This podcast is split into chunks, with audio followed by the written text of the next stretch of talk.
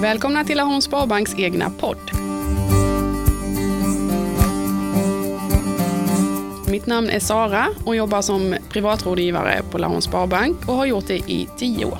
Och jag heter Henrik och är företagsmarknadschef i Laholms Sparbank och har jobbat där sedan i augusti 2018. Och jag har ungefär 15 års bankerfarenhet. Hej på er! Idag ska vi prata om möjligtvis livets största affär, i alla fall ekonomiskt, eh, köpet av bostad. Och det är förknippat med väldigt mycket pengar.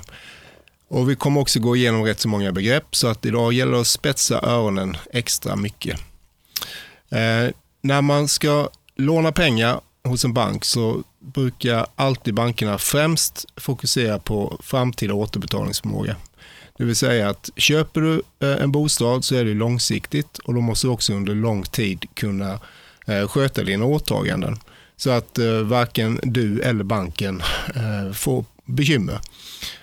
Och utifrån det så tittar man då på vilken lön man har och även vilken möjlighet man har att betala den ränta som både gäller idag men även med marginal. Så att om ränteläget kanske är på 2% idag så tar banken ofta i sina kalkyler höjd för att man ska kunna klara en ordentlig ränteuppgång. Så det kanske ligger på 7-8% i den kalkylen man ska klara. Och sen självklart så tittar man också på hur har man historiskt skött sig, både mot banken och mot andra aktörer. Eh, och ska man då köpa eh, en bostad när man väl har hittat det man vill ha så är det ju bra att veta ungefär vilken budget man har att röra sig med. Så då bör man i tidigt skede kontakta banken för att se eh, vilken ja, höjd man har och då, då finns det någonting som vi kallar för bolånelöfte.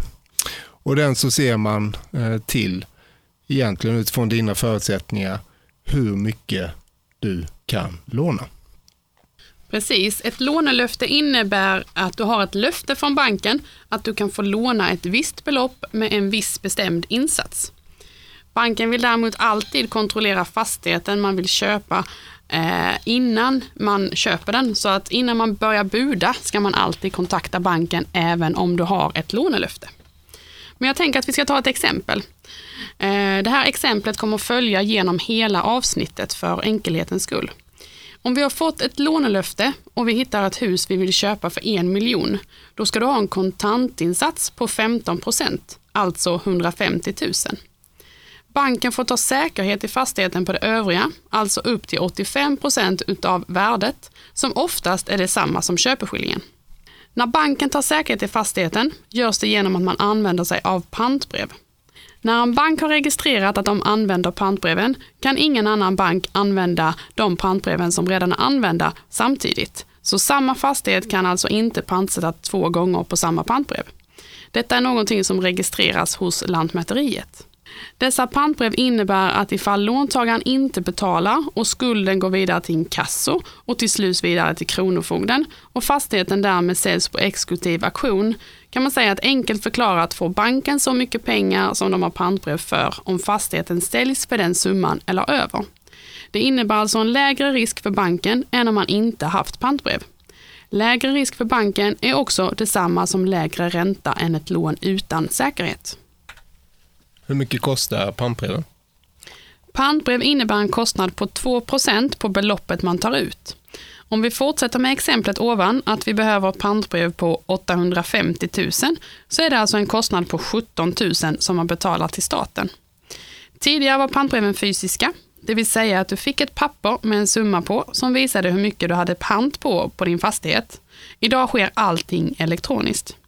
Om man köper en äldre fastighet kan det fortfarande finnas något skriftligt pantbrev kvar, men det händer allt mer sällan. Ett pantbrev följer alltid fastigheten oavsett ägare, så har man tur kan det redan finnas befintliga pantbrev på den fastigheten man vill köpa. Det innebär, om vi säger att det finns ett pantbrev idag på 500 000 så behöver vi bara ta ut ett nytt på 350 000 för att komma upp i våra 850 000 som vi behövde pant på.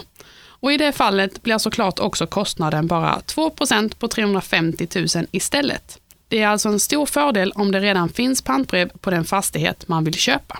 Det är faktiskt ett riktigt bra tips Sara, för det är säkert eh, många som inte tänker på det, att när man eh, söker boende så är det ju då en liten bonus ifall det redan finns eh, uttagna pantbrev. Visst är det det så. blir rätt mycket pengar. Absolut. Hur är det med lagfart och lagfartskostnaden då? Ja, lagfart innebär ju att du blir lagfaren ägare till fastigheten. Och det innebär också en ytterligare en kostnad. Eh, och den kostnaden är 1,5 procent av köpeskillingen, så, inte, så länge inte köpeskillingen understiger taxeringsvärdet. I det fallet är det 1,5 procent på taxeringsvärdet. Så i vårt exempel är det 1,5 procent på en miljon, alltså 15 000 ytterligare i en statlig kostnad för att du ska bli lagfaren ägare till fastigheten som du köper. Så sammanfattningsvis, om du köper en fastighet för en miljon ska du först gå in med 15% kontant, 150 000, samt betala pantbrev på som mest 17 000 och en lagfartskostnad på 15 000. Totalt 182 000 exklusive alla administrativa avgifter. Men ifall att du köper en bostadsrätt istället så finns det varken pantbrev eller lagfartskostnad. Man kan ha sin lägenhet som säkerhet upp till 85 procent även här, men säkerheten registreras enbart hos bostadsrättsföreningen, så man tar inte ut några pantbrev i sig. Eh, så då slipper man också båda dessa extra kostnader. Däremot kan bostadsrättsföreningen ta ut en avgift för att de registrerar att lägenheten är pantsatt i deras system på någon tusenlapp. Under senaste året så har det varit väldigt mycket diskussioner om eh, amorteringsbehov i Sverige och att man anser från politiskt håll och eh, från Riksbank att eh, genomsnittliga svensken amorterar för lite utifrån den skuldsättning som finns. Och man har då juridiskt och politiskt beslutat att lagstadga det. Kan du berätta mer om vad det innebär? Absolut. Hushållen i Sveriges skulder har stigit och blivit orimligt stora i förhållande till inkomsterna. I samband med att bostadspriserna har skenat iväg är detta något som har gjort att man har blivit orolig för landets ekonomi och inte minst för individen. Därför har man då tagit fram amorteringskrav som tillkom sommaren 2016 och har dessutom blivit hårdare med tiden. Ifall du har bolån sedan tidigare omfattas de inte av de hårda amorteringskraven. Om du däremot vill låna upp mer pengar efter att kraven tillkom måste du amortera på det nya lånet enligt de nya reglerna. De befintliga lån du har berörs fortfarande inte. När du köper en ny bostad eller gör en ny värdering får du ett amorteringsgrundande värde på din fastighet som gäller fem år framåt i tiden. Detta värdet ändras bara vid en väldigt omfattande renovering eller när fastigheten byter ägare under denna period. Om du får en belåning på mer än 50 procent utav det amorteringsgrundade värdet måste du amortera. Har du en belåning på mellan 50 till 70 procent behöver du amortera 1 procent och har du en belåning på över 70 procent utav värdet behöver du amortera 2 procent. Om du dessutom lånar mer än 4,5 gånger din eller låntagarnas gemensamma årsinkomst måste man amortera ytterligare 1 procent. I det fallet alltså mellan 50 till 70 procents belåning 2 procent och över 70 procents belåning 3 procent. I årsinkomsten beräknas även barnbidrag och vissa andra bidrag in.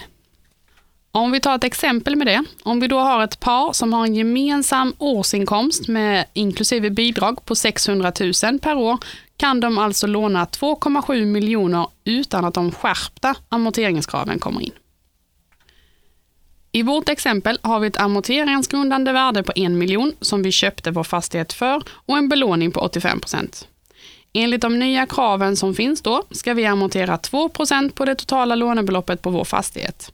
I vårt fall 2 procent utav 850 000, alltså 17 000 om året. 850 000 är vår amorteringsgrundande skuld som amorteringen alltid kommer utgå ifrån. Efter fyra år har vi då amorterat av 68 000. Om jag vill låna upp 50 000 eh, igen för att sätta in en kamin kommer min nya skuld vara 850 000 minus 68 000 plus 50 000, alltså 832 000 kronor. Eftersom den summan är lägre än min amorteringsgrundande skuld utgår jag fortfarande ifrån 850 000 och behåller min nuvarande amortering på 17 000 per år, då jag alltid ska amortera efter den högsta skulden jag haft under denna femårsperiod. Om vi däremot säger att jag vinner på Lotto och kan amortera ner min skuld till under 50 procent utav mitt amorteringsgrundande värde, då behöver jag inte amortera alls längre eftersom jag är under 50 procents belåning. Jag nämnde innan att du har ett amorteringsgrundande värde som gäller i fem år framåt, men du kan ändå alltid värdera upp din bostad och belåna den till 85 procent utav det nya värdet. Men då får du en högre amorteringsgrundande skuld under femårsperioden och då utgår du alltid amorteringsmässigt ifrån den högsta skuld du haft under denna femårsperioden. Ditt amorteringsgrundande värde höjs däremot inte, så du kan inte värdera upp din fastighet för att sänka din nuvarande amortering under denna period, då det amorteringsgrundande värdet är fast under perioden som är satt. Finns det då några undantag från detta regelverk? Ja, självklart finns det det. Man kan hamna i en situation som gör att det är svårt att under en period klara av sin amortering man måste ha. Ifall man till exempel har särskilda skäl att man blir sjukskriven eller arbetslös kan det finnas möjlighet att få en tillfällig sänkning eller en helt borttagning under en viss period för att sedan börja amortera igen. Detta prövas från fall till fall och det görs alltid en individuell bedömning. Eh, även för mig som är väl i alla fall hyfsat insatt i det här, eh, har svårt att hänga med i eh, alla begrepp och siffror här. Så jag har förståelse för att ni som sitter ute och lyssnar inte fullt ut kanske hänger med i alla siffror ehm, och exempel. Och då är ju ett förslag att om du vill grotta ner dig mer i det så gå in på vår hemsida och läs mer om amorterings, ja, amorteringsvillkoren generella eh, och då hittar du det på laholmsparbank.se. Absolut, så är det verkligen. att Det är inte helt enkelt med alla begrepp och procentsatser hit och dit. Så att det är väl en väldigt bra tanke att gå in och läsa mer på vår hemsida. I vissa fall så eh, köper du inte ett färdigt hus utan eh, du har möjlighet att bygga eller vill bygga ditt framtida boende. Och då finns det byggkreditiv. Och hur funkar det? Mm. Det, precis, det är relativt likt när det gäller lånelöfte, men sen skiljer det sig åt. Kunden får inkomma med en produktionskostnadskalkyl som enkelt förklarar en sammanställning över vad allt kommer att kosta för att bygga sitt hus. Där har man med tomt, kostnader för markarbete, trädgård, stomme, kök, el, badrum, ja allt. Utifrån den, tillsammans med var man väljer att bygga sitt hus, gör sedan en förhandsvärdering eh, av vad värdet beräknas bli på fastigheten då allting är färdigt. Detta värdet räknas inte som ett amorteringsgrundande värde, utan det är ett undantag och amortering sker först när den slutliga finansieringen är på plats och det därmed finns ett amorteringsgrundande värde.